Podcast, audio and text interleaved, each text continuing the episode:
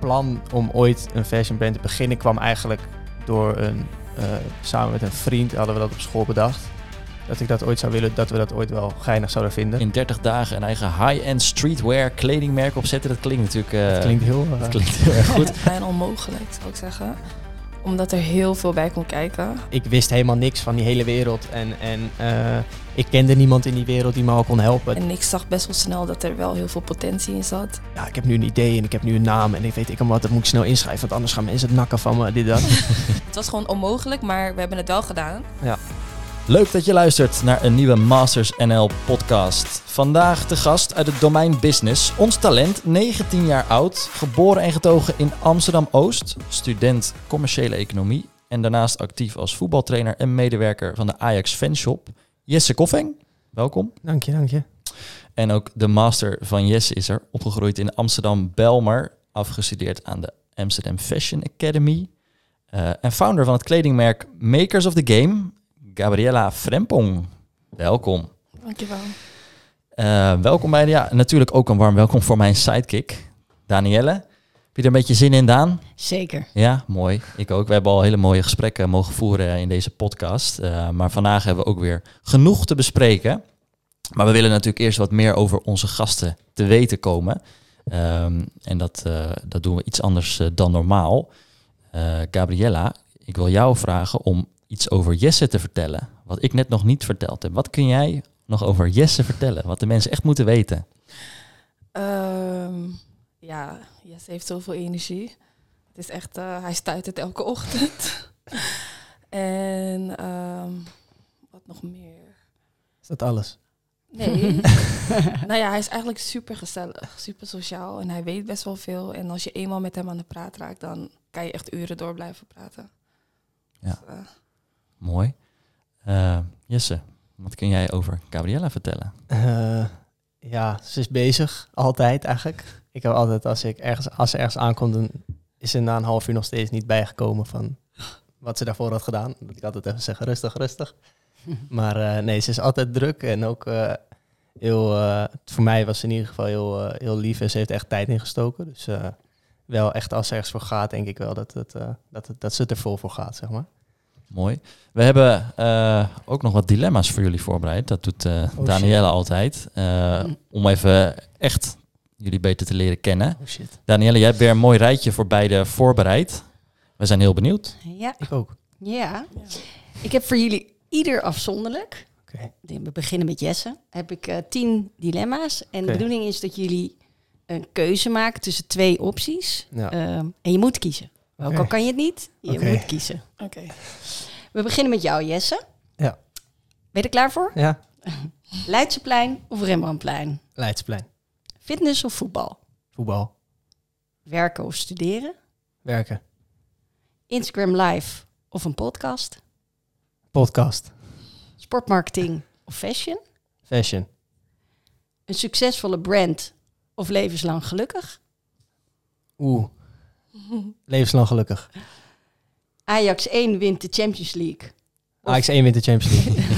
Oeh, Of, even wachten. Pri- of Primark Clothing, marktleider in Nederland. Ajax 1 wint de Champions League. Duidelijk. Steven Berg Berghuis in Ajax 1, ja of nee? Ja. Festival of kroeg? Oeh. Festival. En droom of werkelijkheid? Werkelijkheid. Top. Dat Oh, die had ik eigenlijk wel leuker kunnen afsluiten, hè? Met Ja, een, een droom die werkelijkheid wordt. Die had ik Ja. eigenlijk Ja, dat mag zo nog. Dat je mag er zo nog eentje toelichten. Maar eerst... eh, we Dankjewel, nog Jesse. voor Gabi. En dan nu jij. Gabriella of Gabi? Gabi, Amsterdam of Londen? Amsterdam, Netflix of de bioscoop? bioscoop, Instagram live of een podcast? Instagram live, Ochtend of avondmens? avond sowieso, Definitely. definitely. Bellen of appen? Bellen, Succes of geluk?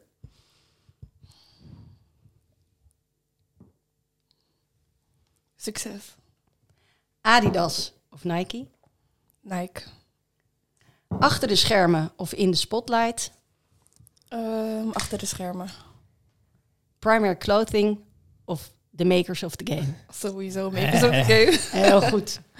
Dankjewel. Dat waren ze Ja, alweer. Ja, waren jullie mogen er allebei even eentje uitkiezen om op terug te komen. Om even toe te lichten. Jesse, eh, op welke wil jij nog terugkomen? Ja, waren, we- even ik denk hoor. Ehm, Was het die laatste, Droom of Werkelijkheid? Of een andere? Nee, nee, nee, nee, nee, nee, nee. Die vind ik niet. eh, ik, er zaten wel een paar leukere tussen. Sportmarketing of fashion. Je had, eigenlijk, je had eigenlijk Amsterdam of Londen bij mij moeten stellen. Die had ik niet kunnen beantwoorden voor je. Oké. Ehm, maar eh, ja, ik denk eh, Ajax 1. Hè? Laten we het daar maar over hebben. Dat, Ja. ja. ja, die, eh, daar wacht ik al zo lang op. Al mijn ze de hele leven. Champions League winnen. Ja, dus... eh, en zij, zijn, eh, zij hebben de kansen nu nog, dus eh, laten, het, eh, laten dat maar eerst gebeuren dan. Ja. Daarna gaan we wel verder. Mooi. Een paar jaar geleden waren ze er heel dichtbij. Daarom. Oeh, die halve finale. Nou ja, oké. Gabriella, Ehm, welke wil jij? Er werd een vraag toelichten? gesteld over geluk of succes. Succes, Ja. ja. Ja, dat vind ik lastig, want eh, ja, Je geld wil, maakt je wil niet per allebei, se hè? gelukkig. Het maakt je niet per se gelukkig, maar het, ehm, ik ehm, ben er wel deels achter gekomen dat het wel heel veel verschil maakt als je het, Het niet helpt, hebt. ja. Het Het helpt wel ja. met ook ehm, bepaalde doelen bereiken. Ja. En aan de andere kant, als je alles hebt en je bent niet gelukkig, dan heb je het ook niets gedaan. Dus vind het heel tricky. Goede toevoeging. Ja, Ik snap ja, hem. Ja, ja, ja. Mooi, Je dank. moest- er zit je zeker moest wat in. even Er zit kiezen. zeker wat in. Er zit ja. zeker wat in. ja, Maar geluk is natuurlijk eh at the end Ja. iets Ja. wat we allemaal willen. ja inderdaad. Ja, als je alles, als je zeg maar alles kan betalen of alles hebben wat je wil, dan uiteindelijk word je daar gelukkig van, toch? Omdat je de dingen hebt die je wil hebben. Maar je kan je ook nog steeds heel leeg voelen. Eenzaam. Dat klopt. alleen. Maar je kan, als je geen geld hebt, kan je alle dingen die je het liefst zou willen hebben, niet hebben. Nee, daarom. Dus dat zit ook wel. Ja, het is maar waar het geluk in ja, zit. Hè? precies. Ja. is heel Precies. persoonlijk. Ja, Ja. Om, de, om de een of andere reden eindigen we de dilemma's heel vaak over het onderwerp geluk. Ja. En dat is ook net eh, altijd het mooie bruggetje naar het onderwerp van deze podcast. Eh, omdat we uiteindelijk met dit project Masters of Amsterdam zijn begonnen. Eh, omdat er uit heel veel onderzoeken naar voren is gekomen dat het, ja, het onderwerp geluk, dat dat even eh, ja, aardig onder druk heeft gelegen in de afgelopen periode. Het is natuurlijk een bizar jaar geweest. Het einde van de coronapandemie is natuurlijk gelukkig nu in zicht. Ehm, maar eh, het, ja, het heeft vooral voor jongeren heel veel eh, keerzijdes gehad. Er zijn onderzoeken naar buiten gekomen dat jongeren, vooral tussen de 14 en de 24 jaar, eh, dat die ja, best wel onder geleden hebben. En dat er zaken als angst, spanningen, onzekerheid, depressie zelfs, dat, die, dat, dat het naar voren is gekomen.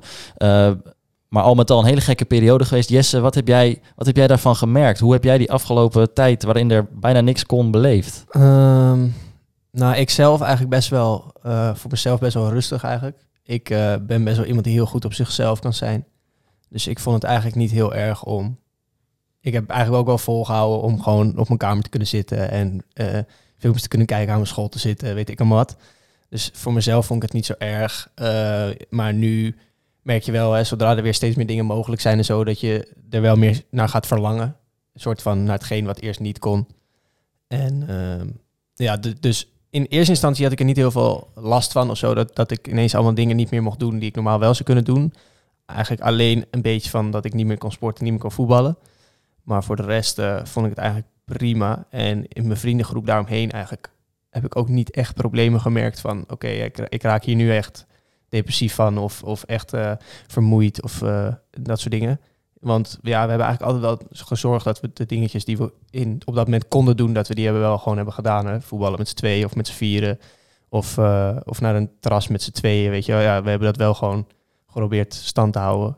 eh, omdat je toch dingen moet blijven doen.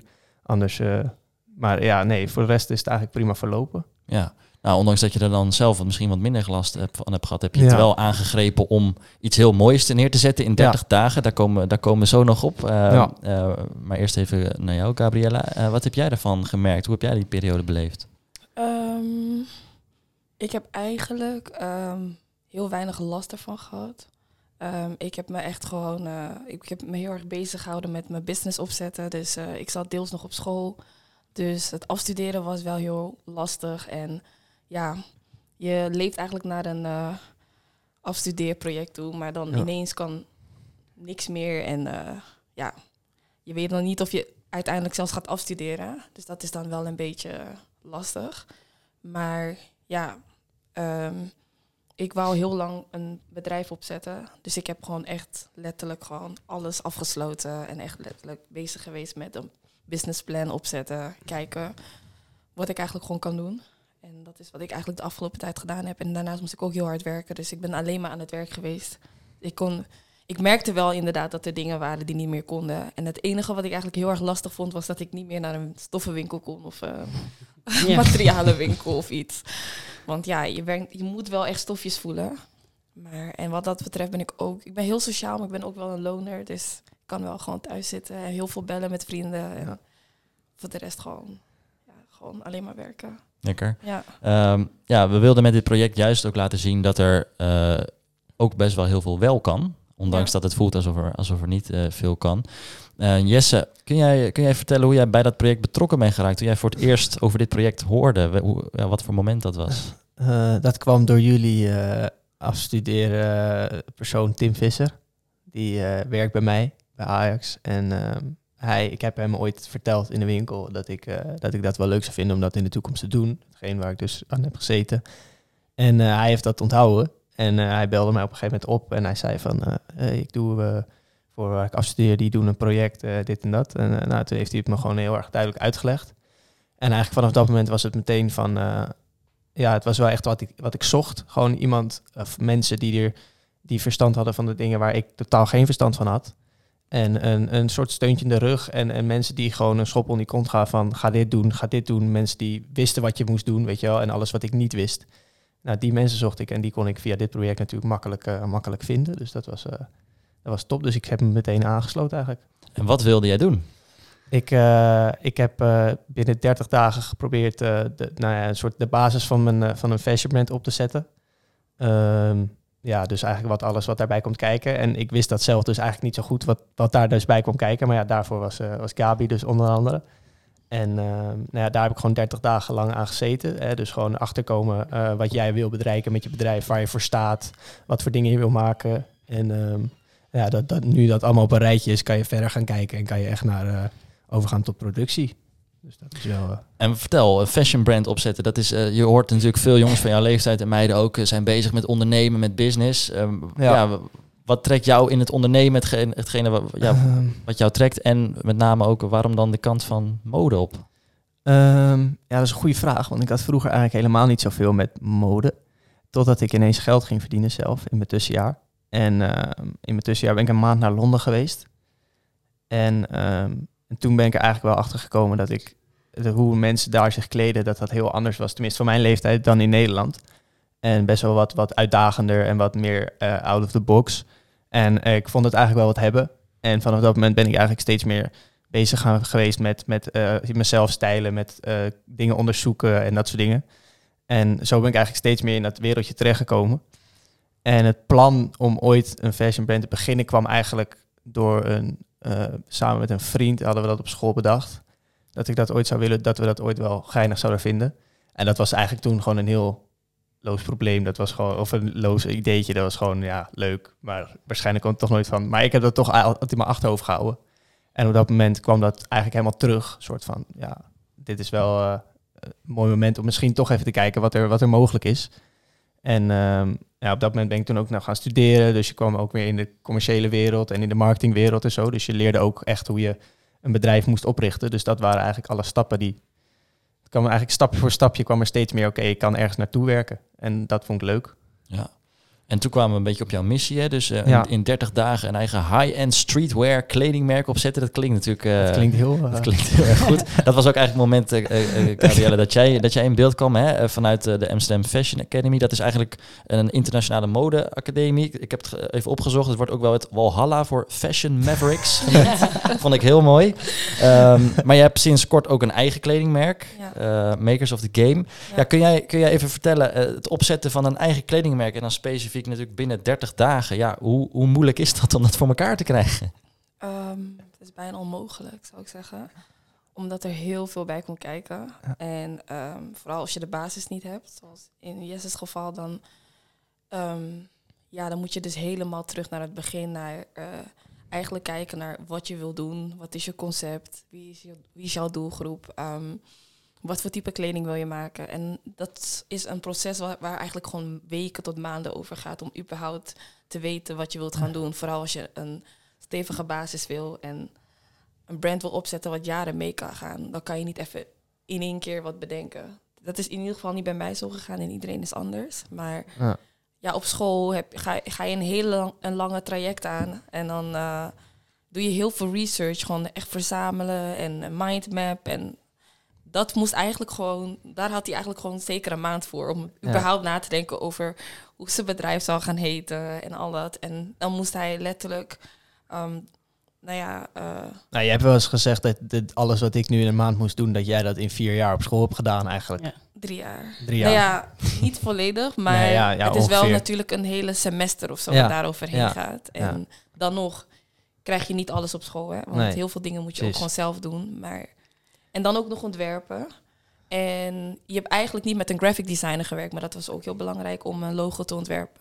Ja. En dat is ook gewoon je brand identity. Dus dat hebben we eigenlijk gewoon overgeslagen. Dus dat is ook iets wat, eh, wat, heel nog, veel eh, tijd kost. Ja. En dan ontwerpen, überhaupt, daar gaat ook weken overheen. Dus alles, het was gewoon onmogelijk, maar we hebben het wel gedaan. Ja. En eigenlijk heb je dan ook, dan zou je dan ook 24-7 er bovenop moeten zitten. Je kan dan niet even Ja. een uurtje per dag even eraan zitten en dan, Ja. Ja. Ja. En dat was natuurlijk lastig ook, eh, omdat eh, Gabi had de druk, ik had de druk eh, met allerlei andere dingen. Dus het, we hadden eigenlijk maar die één of twee uurtjes per dag, hadden we eigenlijk maar. En soms gewoon minder nog. Ja. Maar dus- Gabi Ik heeft eh, niks goed, goed Ik achter jou aangezeten, ja, toch? Ja, ik moest gewoon ja, een, ik heb gewoon een plan van aanpak gemaakt. Ja. En ehm, ik heb wel rekening gehouden met dat hij zelf ook eh, het heel Ja. erg druk heeft. En dat het Ja. ook gewoon heel veel is. Dus ik ga dan niet alles van hem vragen, want dat is gewoon onmogelijk. Maar Jesse had het ook gewoon heel erg druk. Dus Ja. meestal moest ik eigenlijk mijn planning aanpassen op zijn. Op mijn Eh, planning, ja. Ja, wat echt ook onmogelijk was. Maar ik zei ook gewoon een aantal keren van, weet je, je moet wel veel meer tijd hierin stoppen. Ja. Anders ga je het gewoon niet redden. Nee. Nee. Dus dat, dat, daar kwam hij later wel achter op Ja, bepaalde ja, ja, momenten. klopt, dat klopt. hij zijn deadline niet haalde of zo. Ja. Ja. Ja. dat was vooral vlak voor het einde. Dat jij nog Ja. even heel duidelijk maakte van Jesse, je moet nu Ja. ja, ik was op eh, bepaalde investeren. mensen wel heel streng naar mijn gevoel. Ja. Ik eh, ben heel super relaxed, maar ik, kan, Ja. ik neem mijn werk wel heel serieus. En ik heb zoiets van, nou ja, weet je, we gaan gewoon een traject aan. Dus Ja. we gaan het gewoon doen. Ja. Dus ik kan wel layback zijn en zoiets hebben van, nou ja, ik heb eh, je die deadline gegeven, je haalt het niet. Dat is jouw probleem. Maar ik had zoiets van, ik ben ook wel deels verantwoordelijk voor Ja. dit project. Dus ik ga er Ja. wel gewoon eh, achteraan zitten. Had Ja. jij dat op dat moment ook nodig? Eh, ik denk het wel. Ja, ik denk ook sowieso dat als je met twee mensen werkt, dan moet het wel van twee kanten komen. En ja, Gabi heeft dan wel aan het begin gezegd van, eh, ja, het kost enorm veel tijd en echt, je moet zoveel dingen doen. Ehm, maar op dat moment, misschien denk ik, ben ik een beetje ingegaan als een soort schoolopdracht. Weet je wel, Gabi Ja. stuurde mij iets toe en die gaf een soort opdracht met dingen mee. Toen dacht ik, Ja. nou, dan ga ik dat maar doen. Ja. En dat vatte ik misschien een beetje op als een soort eh, schoolopdracht. Maar ik, uiteindelijk is het gewoon een soort heel creatief proces waar ja. je eh gedachten bij komen kijken en Ja. eh, brainstormen en weet ik allemaal wat. En dat kan je allemaal verzamelen en kan allemaal in die opdracht. Alleen had ik dat nog niet door. Ik dacht gewoon, er zit een soort... De vragen die Gabi naar mij opstuurde, die in die opdracht moesten, die heb ik gewoon beantwoord. Ja, heel letterlijk eigenlijk. Ja, maar wat je heel precies letterlijk, net ja. zei over dat het een creatieve proces is. Eigenlijk zou je er niet een bepaalde Deadline, op moeten ja. zitten. Ik werk niet zo en ik vind het zelf heel lastig als creative. Ja. Ik vind wel dat je naar een deadline toe kan werken, maar er moet wel ruimte zijn voor eh, Ja. interpretatie en sparren. En je moet Ja. ook gewoon een beetje, weet ik veel, museums eh, eh, bezoeken Ja. en met mensen praten. Dat Ja. helpt allemaal. De visuele prikkels. Ja. Ja. Dus als je, dan, als je het dan letterlijk als een opdracht... eh, Ja, dat was ook het, de eerste meeting die Gabi en ik hadden met z'n tweeën. Toen zijn we echt, ehm, dat was echt nog helemaal aan het begin eigenlijk, waar toen we nog eigenlijk helemaal niks hadden. En ik had en toen vroeg, gingen we, zijn we gewoon uur, een uurtje, anderhalf uur zijn we gaan zitten. En. Gabi stelde me af en toe met wat vragen met jou. Oké, wat hoe zie je dat en voor je dit, dat? Nou ja, toen dan ga je echt nadenken en dan ga je praten met z'n tweeën. En dan komen er ineens heel veel dingen boven tafel van... Ja. Oké, ja, dit is vet, dit is vet, dit kan wel, dit kan niet. Ja. Maar er zijn natuurlijk heel veel, heel veel jongeren eh, van jouw leeftijd die, die ik ook daarover gehoord heb. Van ik wil, ik wil een- ooit een eigen bedrijf starten. Maar er zijn Ja. maar heel weinig die het uiteindelijk echt doen. Ja. Ik heb een paar dingen opgeschreven. eh, ja, welke stappen je eigenlijk binnen die 30 dagen gezet hebt. En Ja. als je, hoe kom je nou, dat is natuurlijk de vraag, hoe, hoe zet je dat nou uiteindelijk op? En Ja. misschien een van de eerste concrete dingen was dat jij naar de KVK ging Ja. om, om jouw bedrijf in te schrijven. Wat was dat voor moment? Ehm, nou ja, dat was het plan. Heb Ja. ik nog niet gedaan. Oh, Ja, dat, ja, dat eh, wist ik ook niet. Nee, nee dat was ook, het was wel het plan om dat inderdaad meteen te gaan doen. Om Ja. het gewoon allemaal vast te stellen. Maar dat kwam eigenlijk een beetje soort van uit, eh, uit angst van mezelf. Omdat ik denk van oké, ja, ik heb nu een idee en ik heb nu een naam. En ik weet ik wat, dat moet ik snel inschrijven. Want anders gaan mensen het nakken van me, dit, dat. maar, ehm, maar toen uiteindelijk ja, kwam, eh, kwamen er allemaal mensen die zeiden van ja, maak je niet zo druk. En ook vrienden van me waar ik het aan had verteld. En zo, die zeiden van ja, dit gaat toch niemand, eh, zeg maar, dit gaat niet, nie- niemand stelen. En ik was ook langs gegaan bij iemand die al een kledingbedrijf had. Die zei ook van ja, ik heb het ook niet ingeschreven bij de KVK. Ik heb geen recht op mijn naam of zo. nee, precies. Dat Maar het het was, het was wel een moment dat jij eh, bedacht van zo gaat mijn bedrijf Ja. heten. Dit is de visie erachter. Hoe, Ja. hoe is dat tot stand gekomen? En wat is, ja, welke naam heb je gekozen en waarom? Ehm, de visie daarachter, ja, het heet eh primair clothing. En het gaat eigenlijk eh, gebaseerd op de primaire kleuren. En dat was eigenlijk echt de basis. Dus ook toen we op die fiets zaten met die vriend van me. oh, en toen we bedachten, dit gaan we doen. Toen eigenlijk een week later kwam het idee van, nou zo gaat het heten. En eh, we gaan die kleuren gebruiken. En ehm, nou ja, eigenlijk de visie daarachter. Ik had wel een soort visie. Maar ja, dat heb ik natuurlijk ook met Gabi en met het hele project heb ik dat wat uitgebreid. En het gaat er gewoon eigenlijk over dat je... ehm, dat je met twee verschillende dingen die kunnen samen iets heel moois maken in één ding. En dat is eigenlijk met mensen zo, maar ook met die primaire kleuren. Dus hè, als twee verschillende soorten mensen met verschillende, misschien culturen, achtergronden, eh, dingen waarin ze geloven, dit soort dingen. Eh, als die samenwerken, dat dat iets heel moois kan opleveren. Wat uiteindelijk tot één heel mooi ding komt. En dat is eigenlijk met de primaire kleuren ook zo. Als je dat samen combineert, wordt het iets nieuws, wordt het iets moois. Wat nog niet bestond. En het besef dat de primaire kleuren iets maakten wat nog niet bestond. Dat kwam ooit in een, op een schoolles ergens. En toen dacht ik, ja, dat is vet, dit moet ik altijd doen. Ja. En Gabi, hoe heb jij, hoe heb jij eh, Jesse hiermee kunnen helpen? Met, hij, kwam met, hij kwam met dat idee en met zijn visie. Hoe, hoe ben je toen te werk gegaan? Ehm, ja, dus hij had een visie inderdaad en een naam. En ik zag best wel snel dat er wel heel veel potentie in zat. Eh, voornamelijk wat hij dus net uitlegde, die primaire kleuren. En ik had zoiets van, dat kan je echt letterlijk uitzetten in zo'n grote concept en daar echt heel lang mee doorgaan.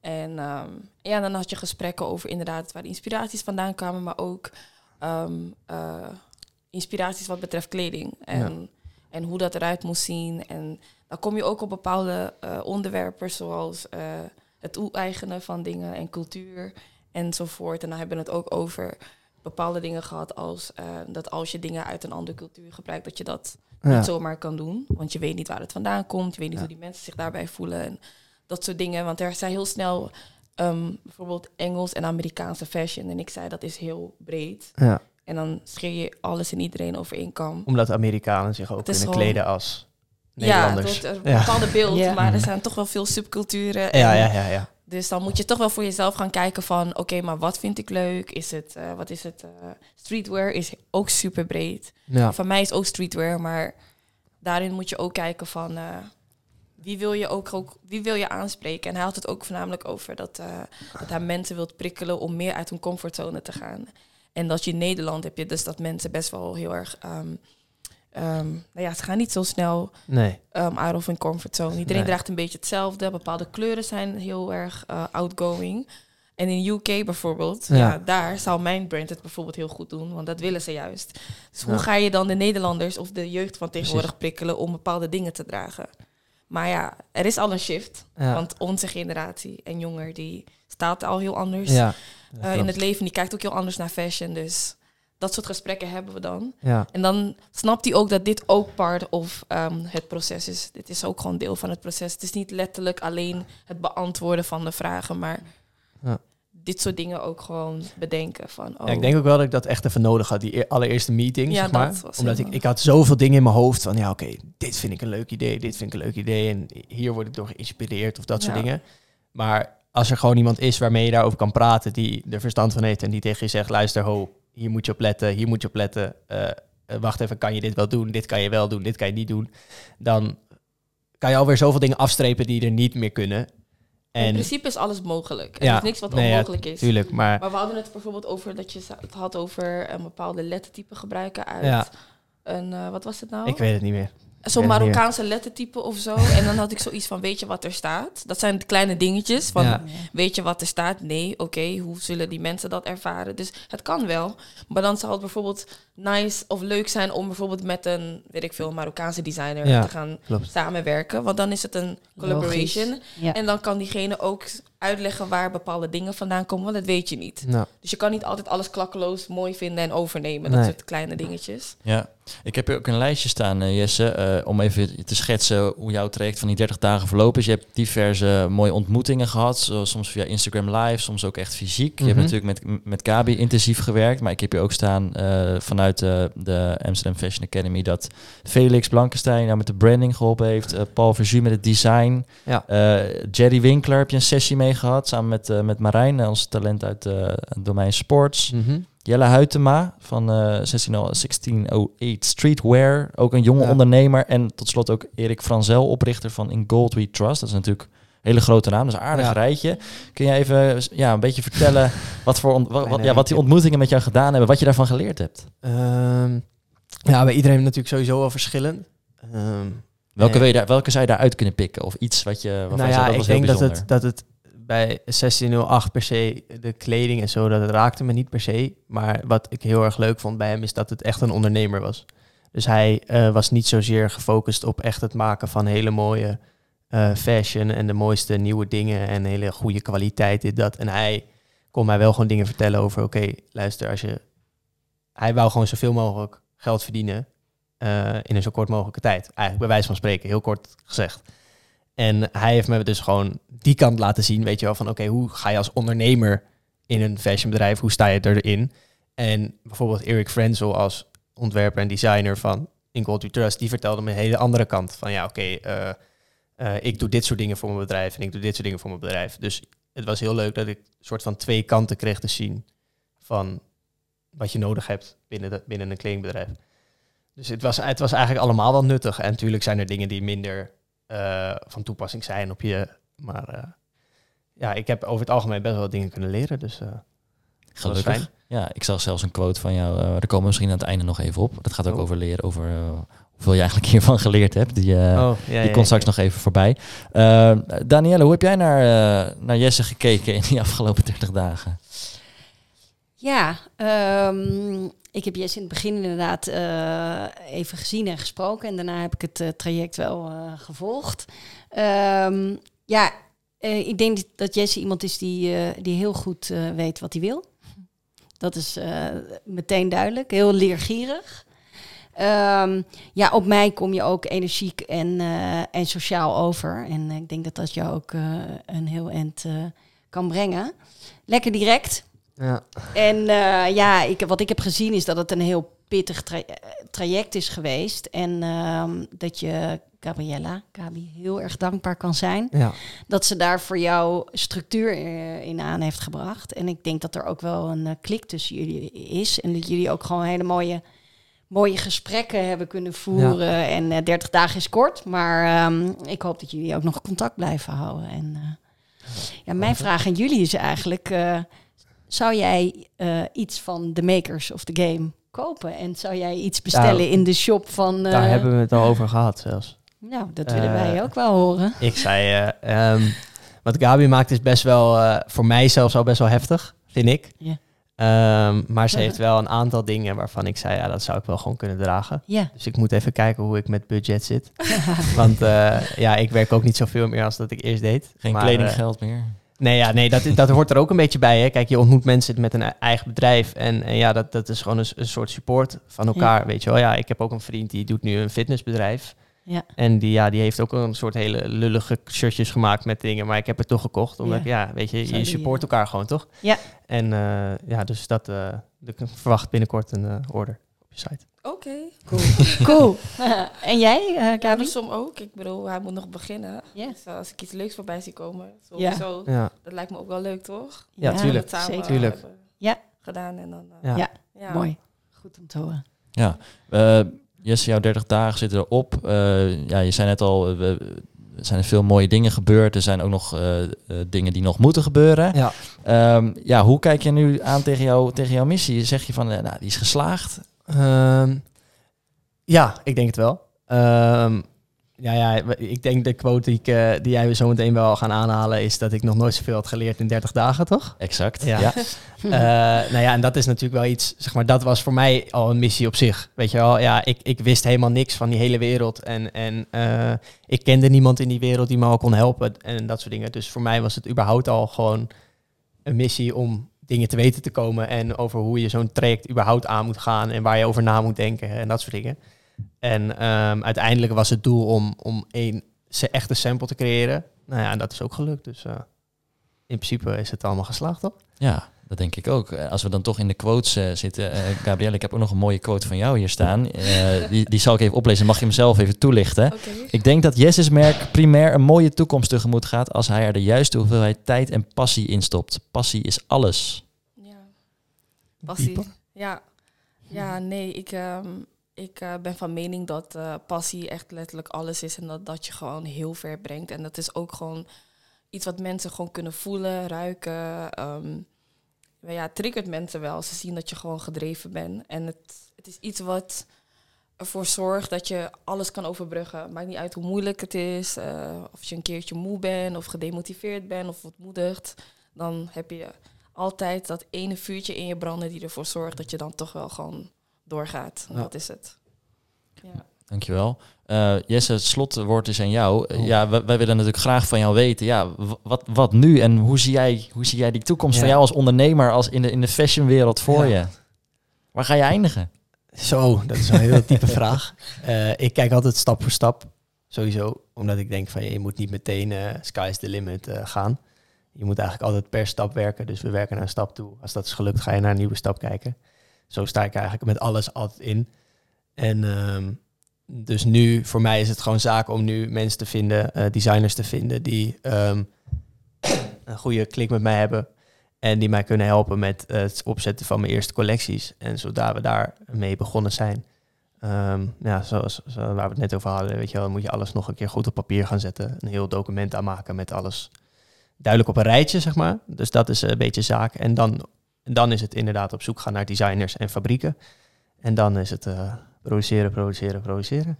En hoe kunnen ze contact met jou opnemen? Want misschien zitten er nu wel hele getalenteerde designers te luisteren die denken, nou, Eh, Insta DM. Heel makkelijk. Ja, Net zoals hoe wij werken, ja, Ja, tuurlijk. toch? Gewoon een Insta DM'tje. Ja. Eh, dank jullie wel. Het was heel leuk om jullie eh, te volgen in de afgelopen 30 dagen. Volgens mij is er iets prachtigs neergezet. Eh, inderdaad, wat jij net zei, dat heb ik onthouden, dat het bijna onmogelijk leek aan het begin. En dat er uiteindelijk toch maar iets heel moois staat, een eigen merk om trots op te zijn, met heel veel potentie. Het was Ja. mooi om te volgen. Dank jullie wel voor dat traject. Dank Het jullie is deze podcast eigenlijk ook een soort eh, ja, reflectie op die 30 dagen. Hè? Ja. Dus bij deze sluiten we hem eigenlijk af. Maar we hopen dat dit natuurlijk niet het laatste is wat we van jullie horen. Nee. Jullie hebben in ieder geval twee mogen, mooie eigen brands die we gaan Ja. volgen. Waar we hopelijk nog heel veel van gaan horen. Dank Ja. jullie wel. Dank jullie wel. Ook. Jullie ook bedankt.